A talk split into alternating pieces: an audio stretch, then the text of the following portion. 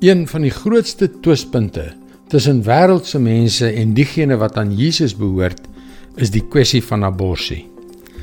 Wêreldse mense vra waarom is die Christene so oudtyds wanneer dit oor abortus gaan. Hallo, ek is Jockey Gouchee vir Bernie Diamond en welkom weer by Fas.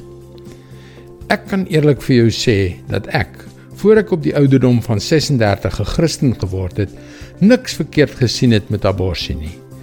Ek kon nie verstaan wat verkeerd was daarmee nie.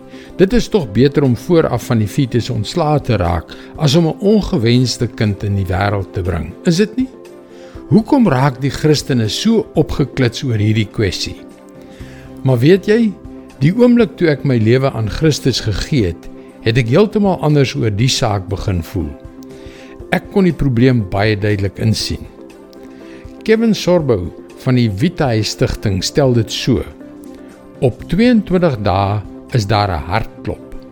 As dit nie 'n lewe is nie, vertel my dan wat is.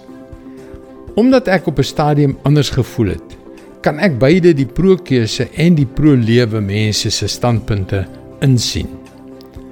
Wêreldse mense vra: "Maar hoekom kan daardie Christene nie hulle sienings vir hulle self hou nie? Hoekom moet hulle so te kere gaan daaroor?" Maar ons lees in Spreuke 24 vers 11 en 12a. Red die wat na hulle dood toe gesleep word, die wat val val op pad is om doodgemaak te word as jy nie keer nie. As jy sou sê, ons weet daar niks van af nie. Dis hoekom abortus is die neem van 'n lewe.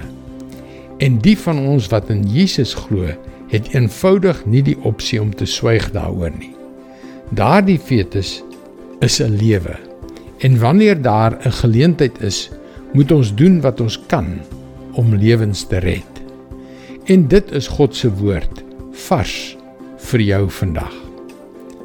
Dit is een van die baie moeilike kwessies van die lewe wat ons moet hanteer.